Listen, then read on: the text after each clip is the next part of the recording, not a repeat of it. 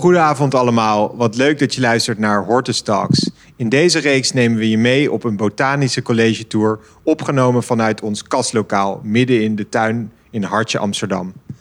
Ik ben jullie host, Gispert van Balen, en ik ga voor de Hortus Botanicus Amsterdam ieder seizoen in gesprek met wetenschappers, kunstenaars en ondernemers die zich bezighouden met de natuur. Dit zomerseizoen, bestaande uit vijf afleveringen, nemen we je mee in de wereld van reizende planten. Vanavond de gast Marnel Scherrenberg, botanisch collectiebeheerder bij Naturalis in Leiden. Hij zal ons meer gaan vertellen over plantenmigratie op wereldniveau en laat met een bijzondere demonstratie zien hoe een plant hele afstanden kan afleggen. Ehm, leuk dat je er bent. Ja, leuk er te zijn. Ehm, vertel kort, wie ben je? Ja, ik ben uh, Marnel Schermberg. Ik ben collectiebeheerder van de planten bij Naturalis. En niet alleen maar de planten, maar ook de, de paddenstoelen en de algen en alles wat er een beetje bij in de buurt komt. Dat uh, beheer ik. Ongeveer 7 miljoen exemplaren in totaal.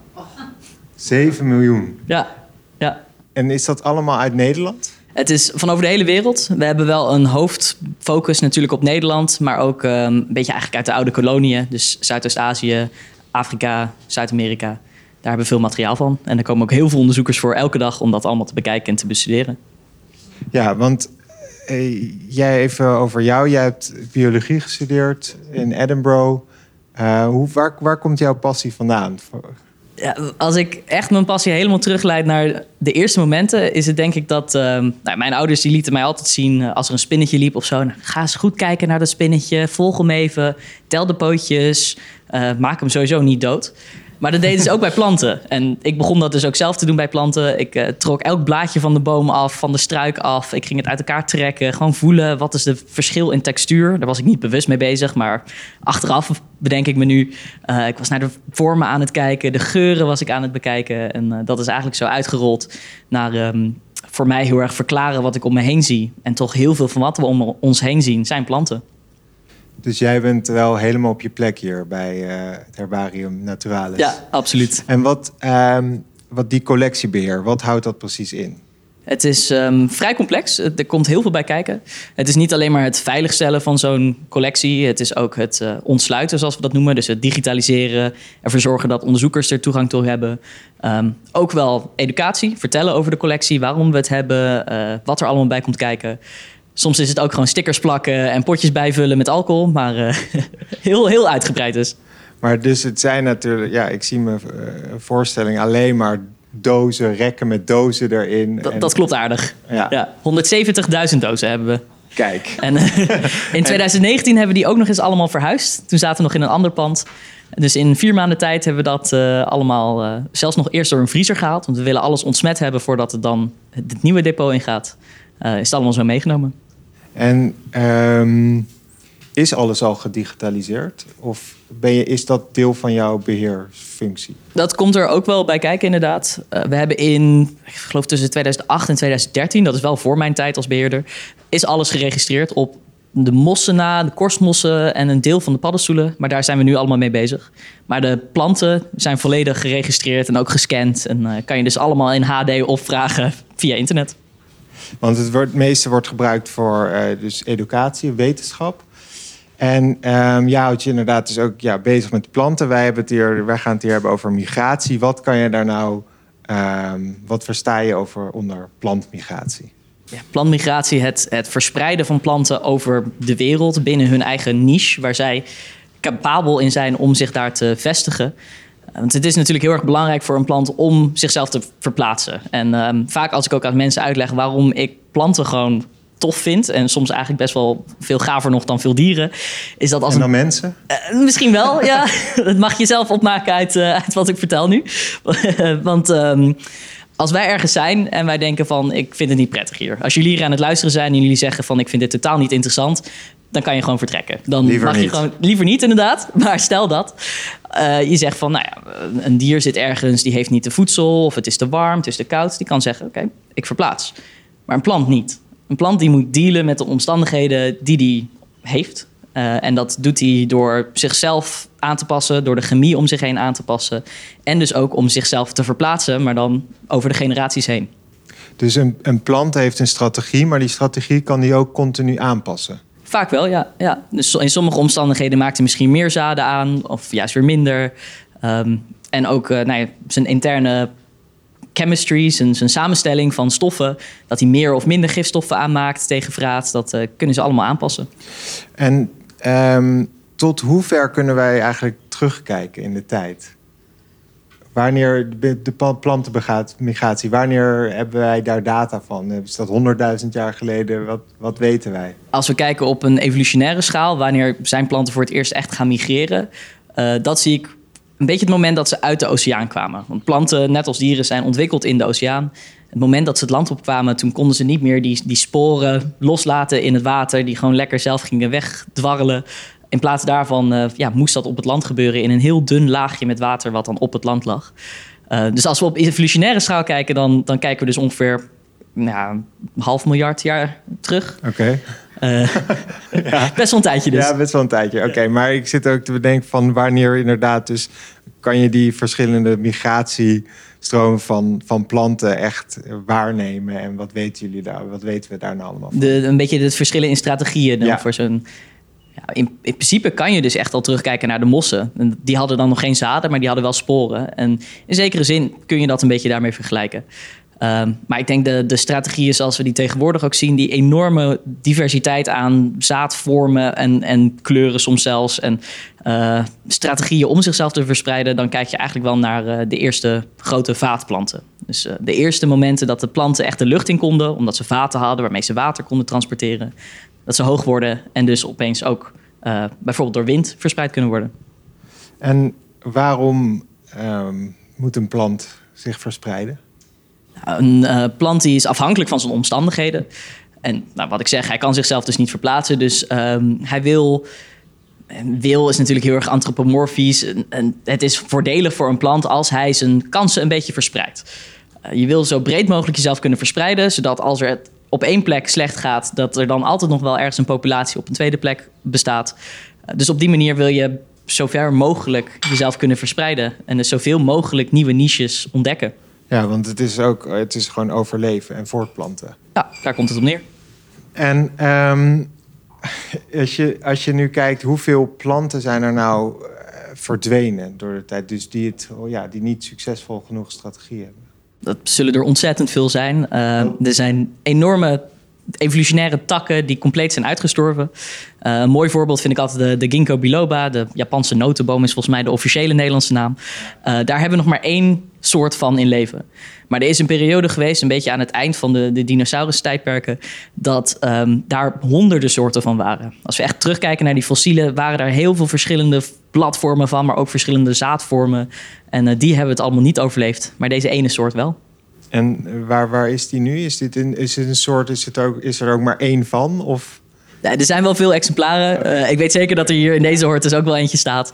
Um, het grappige nou, daarvan dacht, is... Ik had, er, ik had er gewoon eentje in mijn hoofd voor, die ergens stond. En dan op soort zo de laatste uh, neushoorn die, ja. die, die, beschermd wordt. Nou ja, er is wel een uh, plant, de Volemia nobilis. En ik zag hem hier ook al staan. En dat is een plant die is pas, ik geloof 2008 geloof ik het is een beetje een gok. Maar heel recent is die opnieuw ontdekt. Die was wel gevonden in het hele fossiele, uh, nou, de fossiele geschiedenis. Altijd gedacht, die zijn uitgestorven. Het zijn een, geen zaadplanten, maar uh. Dus uh, een beetje dennenboomachtige dingen. totdat die teruggevonden werden in één vallei in Australië, middle of nowhere. Ongeveer 100 exemplaren nog. Uh, en wat ik dan weer bijzonder vind is in 2020 was dat, begin van de coronapandemie, toen die enorme bosbranden waren in Australië, zijn er dus heel veel mensen naar die ene geheime plek gegaan om zoveel mogelijk die bomen te redden door ze helemaal te besproeien met water, om ze dus maar in leven te houden. Dus, Oké, okay, uh, met dat, emmertjes daarin. Ja, ja, ja. dus um, die evolutionaire tak is op die manier nog wel bewaard gebleven. Ja, want hoe um, komen er nieuwe soorten of soorten die, die jullie volgen, hoe komen die bij jullie binnen? Um, hoe track je dat als het ware? Bedoel je echt in het herbarium? Uh, ja, in het herbarium, bij jullie in de collectie. Ja. Uh, we, hebben, we krijgen met name materiaal binnen van onderzoekers. Uh, vroeger was het natuurlijk zo dat nou, mensen gingen met schepen naar Zuidoost-Azië bijvoorbeeld. met vaak andere doeleinden ook nog. Maar een onderdeel daarvan was om planten te verzamelen. Om dus meer te leren over de natuur daar. daar hebben we gigantische hoeveelheden van binnengekregen. Nou, dat gebeurt tegenwoordig niet meer. Dus het meeste wat wij binnenkrijgen zijn de Nederlandse planten. En dat zijn dan vaak gewoon uh, hobbyisten, floristen die het leuk vinden om het veld in te gaan, om uh, iets te ontdekken. En op die manier vinden ze best wel vaak nieuwe soorten voor bijvoorbeeld een provincie. Of uh, nieuwe soorten die uitgezet zijn per ongeluk, expres in Nederland, die nu zijn ontsnapt. En hoeveel, bijvoorbeeld de afgelopen jaar, hoeveel nieuwe soorten zijn er dan bijgekomen? Heb je daar een idee van? Of? Voor, voor Nederland weet ik het niet zo goed. Maar volgens mij hebben we wel een aantal echt nieuwe soorten voor Nederland. die uh, dus niet eerder waren vastgesteld, die nu zijn binnengekomen. Um, een van de ja, manieren hoe dat binnenkomt, vind ik zelf ook wel frappant, is um, we hebben heel veel Junkers. Dat zijn uh, Russen. En die komen binnen via de Maas. En dat komt hoogstwaarschijnlijk door de wol. Omdat het zijn schapenwol uit Australië. Uh, die schapenwol die wordt dan via de, de Maas, de Rijn, volgens mij de Maas, wordt die, uh, de, Maas is het. Die wordt via de Maas meegenomen. Dat waait van die schepen af. Uh, ik geloof ook in de historie dat dat vroeger heel veel is gebeurd. En wij hebben nu heel erg goed naar die, dat, ja, die vegetatie gekeken daaromheen. En daardoor weten wij dus nu meer van die planten dan dat ze zelf in Australië weten. Gewoon door de zaden die zijn meegekomen in, dat, in die wol. En dat, ik kan me voorstellen dat dat niet een strategie is van de planten. Om meegenomen worden in wol en dat het dan wordt. Of, of denk je wel? Uh, deels wel. Uh, ja, dat, dat wij mensen zo gek zijn dat wij wol van schapen uit Australië halen, dat hadden ze dan niet voorzien. nee. uh, maar het zijn wel zaden die heel goed in wol blijven plakken. En ehm, die zaden die zijn ook zelfs zo sterk dat die dat hele proces van. Nou ja, zo'n scha uh, schaap scheren, om het vervolgens te wassen, soms ook nog echt te behandelen met bleek bijvoorbeeld, dat kunnen ze gewoon allemaal overleven. En dat zijn dan ook weer onnatuurlijke dingen. Maar in de natuur heb je natuurlijk ook wel te maken met, met lange periodes van droogte of juist heel erg nat, waar ze dus uh, toch wel heel goed op zijn aangepast. En want inderdaad, dit zijn strategieën. Heb je nog een aantal andere voorbeelden van strategieën die die planten gebruiken? Ik heb, uh, ik heb zoveel voorbeelden van strategieën. Nou, brandlos. ja, maar, um, ja, wat is een leuke. Um, nou, ik heb er hier eentje ook liggen. Voor de podcast zelf is dat misschien niet zo heel handig, maar ik vind deze, dit is een, een vrucht met een soort van hele grote klauw erop. Hij heet ook de, de Devil's Claw, een duivelsklauw. Ja, een beetje de, de hoorns van een berggeit. Soort. Ja, de hoorns van een berggeit op een... Uh... Voor de podcast is dit. Uh, want uh, die hebben geen idee, denk ik nu, wat ze voor ons Nee, maar dit, ja, dus een vrucht met een soort van hele grote weerhaken. En um, vroeger dacht men ook... Nou, het werd dus een duivelsklauw genoemd. Ze hadden geen idee waar het eigenlijk voor was. Um, als je er zelf op gaat staan, nou, dan doet dat pijn. Het blijft ook best wel een beetje aan je voet haken. En toen ontdekten ze dus, door observaties, dat struisvogels heel vaak door de bosjes lopen. En dit zijn vrij lage planten, die laag bij de grond zijn. Uh, dat dus deze blijven haken in de poten van die struisvogels. Dus die, die klauwen die haken in die soort van dinosaurusklauwen van, uh, van zo'n struisvogel. En die nemen ze dus mee, die trappen ze plat en verspreiden zo die zaden uit deze zaadpot. Ja, dus evolutionair past zo'n plant zich aan. Ja, ja, en dat gaat allemaal natuurlijk geleidelijk. Misschien dat het begon met wat kleine weerhaakjes die toevallig aan meerdere poten van meerdere dieren bleven hangen. Maar de, uh, de zaden die aan de struisvogelpoten bleven hangen, die waren succesvoller. Dus past hun plant zich aan om steeds beter te zijn in aan die struisvogels blijven plakken. En dat is een hele lokale manier, of althans, niet elk land heeft struisvogels in het wild. Um, wat is nou een wereldwijde st strategie? Om te verspreiden. Ja, je kan uh, die verspreidingsstrategieën een beetje tweedelig zien. Uh, je hebt dus verspreiding door bijvoorbeeld wind en water, dus door nou, natuurlijke verschijnselen, niet levende verschijnselen, en door levende verschijnselen, dus dieren. Um, en van die eerste wind-water is nog een andere categorie die ik zelf wel heel erg leuk vind, en dat is uh, explosief. Okay. Je hebt best wel een aantal planten. Nou, jullie kennen misschien wel de, ja, de Himalayan balsam, de Nee. Springbalsemien, ja, de, Himala de, de, Himalayaanse springbalsemien specifiek, geloof ik. Um, nou, die woekert overal in Nederland. Je raakt zo'n zo'n zaadje aan of zo'n zo'n uh, zaadcapsule aan en hij springt open en die zaadjes die schieten de lucht door. Um, die strategie zie je meerdere keren terugkomen. En eentje die heet ook de, de dynamietboom. Je kan denk ik wel een beetje raden wat daarmee gebeurt. Dat zijn een soort van pompoenen. En naarmate die drogen, komt daar zo'n druk op te staan dat die exploderen, maar echt met een gigantische knal. Dat, dat echoot echt door dat bos heen dan. En dan uh, raken die zaden tientallen meters verspreid. En dat is dan handig voor de boom. Maar, en, eh, maar dat is tientallen meters. Maar inderdaad, hoe komen zaden inderdaad over de, over de hele wereld? Hoe komen er inderdaad gekke, ook nog meer zaden hier in Nederland, maar ook weer naar andere landen? Is Eh, dat vooral de mens die dat verspreidt? De mens doet een ontzettend veel erin, eh expres en per ongeluk. Maar ook de natuur zelf kan het wel. We hebben natuurlijk genoeg planten die over de hele wereld, of praktisch de hele wereld voorkomen. Ehm, soms door wind. Orchideeënzaadjes bijvoorbeeld, die zijn minuscuul klein. Het zijn echt maar een paar cellen groot. Eh, het is gewoon een soort van stof. Je kan het her- herkennen bijvoorbeeld in vanille. Vanillezaadjes, die kleine spikkels in vanille, dat is een orchideezaadje. Want een vanille is een orchidee. En die spikkels die zijn kilometers hoog in de lucht teruggevonden. Eh, dus die gaan de hele wereld rond. Die, die gaan tientallen jaren misschien wel eh, vliegen die door de lucht. En uiteindelijk strijken die ergens neer. En dan kan het mogelijk een nieuwe orchidee worden. En is dat ook, eh, zijn vogels, is, dat een, is dat een vorm van, van migratie? Die, die ze, of een strategie die ze kunnen pakken? Ja, vogels is een hele goede manier om ook zichzelf te verspreiden. Die vliegen natuurlijk ook ver. Eh, met name vi- via de binnenkant. Ook als je kijkt naar verspreiding van zaden door dieren, heb je ook weer twee categorieën. Je hebt interne verspreiding en externe verspreiding. Dus zo'n, eh, nou ja, het voorbeeld van die struisvogel die ik noemde, dat is een externe verspreiding. Het is iets dat, dat blijft aan een dier plakken of klitten. En interne verspreiding is eh, nou ja, een vogel die zaadjes eet, die vliegt ergens anders neer heen en die poept de zaadjes uit. En het zaadje krijgt er met- meteen een beetje mest mee, kan daardoor extra hard groeien en raakt zo verspreid. Eh, en wat daarin ik dan wel weer een grappige vind, is ehm, je hebt dat niet alleen maar, je hebt ook vaak een soort secundaire verspreiding. Dat als je een dier hebt die dan heel veel van die vogels eet, die dan die zaadjes eten, Oké. ja, je voelt hem denk ik al aankomen.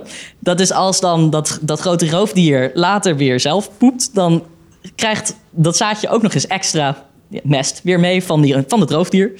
Het zal het zaadje niet zelf zo hebben ge, bestrateg- ge- bege- nou, Ja, het zal niet de zo strategie bedacht. zijn van, Ja. eh, van het zaadje, Eh, maar het is wel een mooie bijkomst.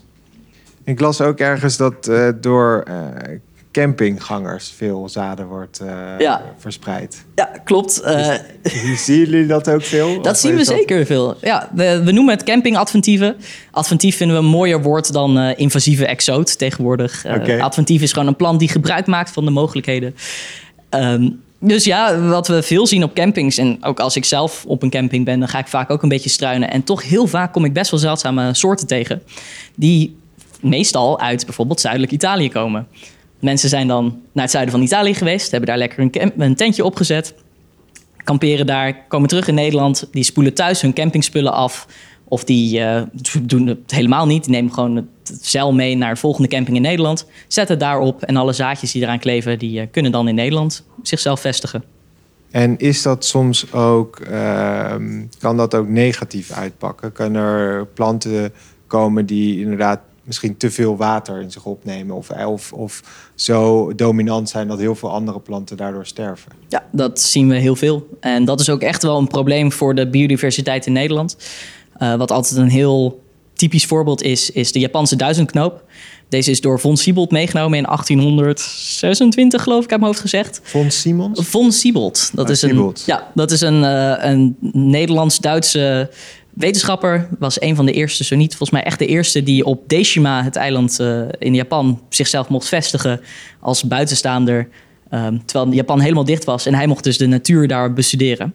En die heeft heel veel meegenomen. Naar de Hortus Leiden ook heel veel. Een van de dingen die hij heeft meegenomen is de Japanse duizendknoop. En nu zien we die overal. Dus eh, die Japanse duizendknoop die, eh, die woekert heel snel, die kan heel snel groeien. Die neemt dus daarmee licht af van andere planten. Ehm, dus op die manier, hij concurreert gewoon de rest weg. Ja. Beetje met de halsbandparkieten die we hier veel in Amsterdam zien. Daar kan je het goed mee vergelijken, ja. En wordt daar dan ook ehm, ja, wordt daar eh, op gehandeld? Eh, zorgen we dat die plant eh, wat minder zelf verspreidt? Of zorgen we dat die geplukt wordt? Of, of doen we dat? Of laten we die natuur toch meer zijn gang gaan? We doen dat zeker in Nederland. Heel veel andere landen die, ehm, die, hechten, ja, die kijken daar niet zo heel sterk naar. In Nederland, we hebben zo'n klein land met zo'n fragiele natuur van wat er nog over is, dat we dat wel moeten.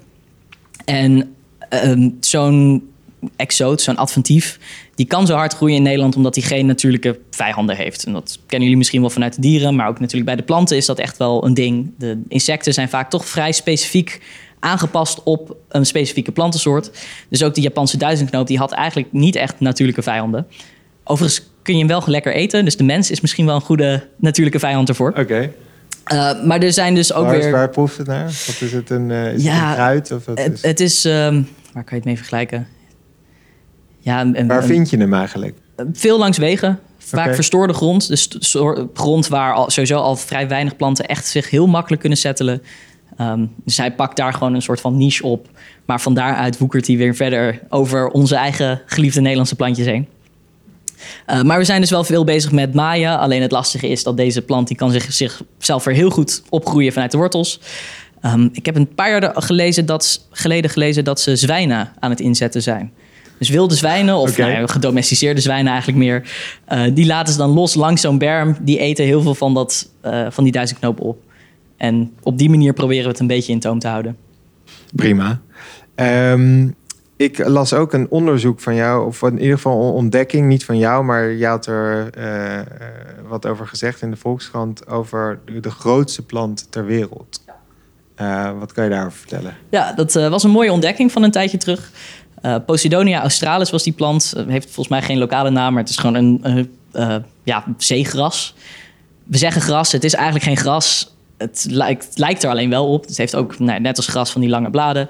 Maar het is, het is in de zee. Het zit in de zee, ja. ja. En wat deze onderzoekers ontdekten, die hadden een, een zeeveld, een, een meadow, een weide noemden ze dat, van 180 kilometer lang bij, ik geloof iets van 20 kilometer, of ja, 180 kilometer breed, 20 kilometer diep.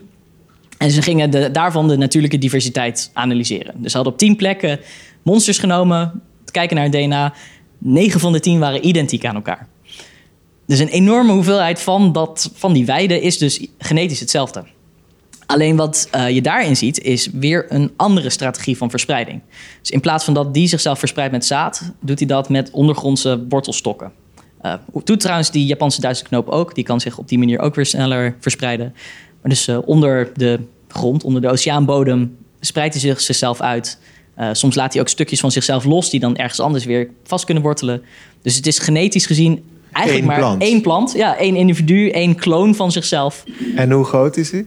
Ja, dus eh, naar 180 bij 20 kilometer in totaal, denken we.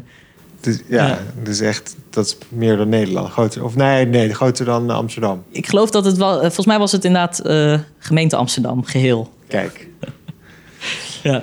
Ehm, ja, dus ik, ik vind die strategieën gewoon ontzettend leuk. Want daar zit zoveel, eh, ja, daar zit zoveel leuke verhalen in. Eh, Die Conigia, daar had, je, daar had je het over. Wat is daar, wat is daar voor de, wat is dat verhaal? Ja, eh Conigia is een eh, plantengeslacht, toevallig uit dezelfde familie weer als de Japanse duizendknoop, de Polygonaceae.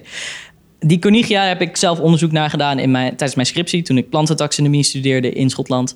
En Conigia is een voorbeeld van een hele rare verspreidingspatroon.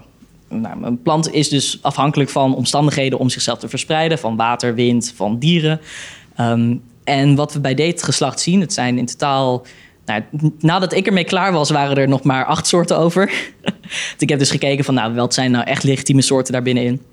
En ehm, één soort leeft alleen maar op IJsland. En de rest allemaal in de Himalaya's van eh, India en eh, China.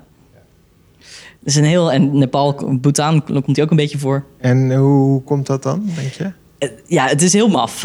Ik weet niet precies waarom die in IJsland terecht is gekomen.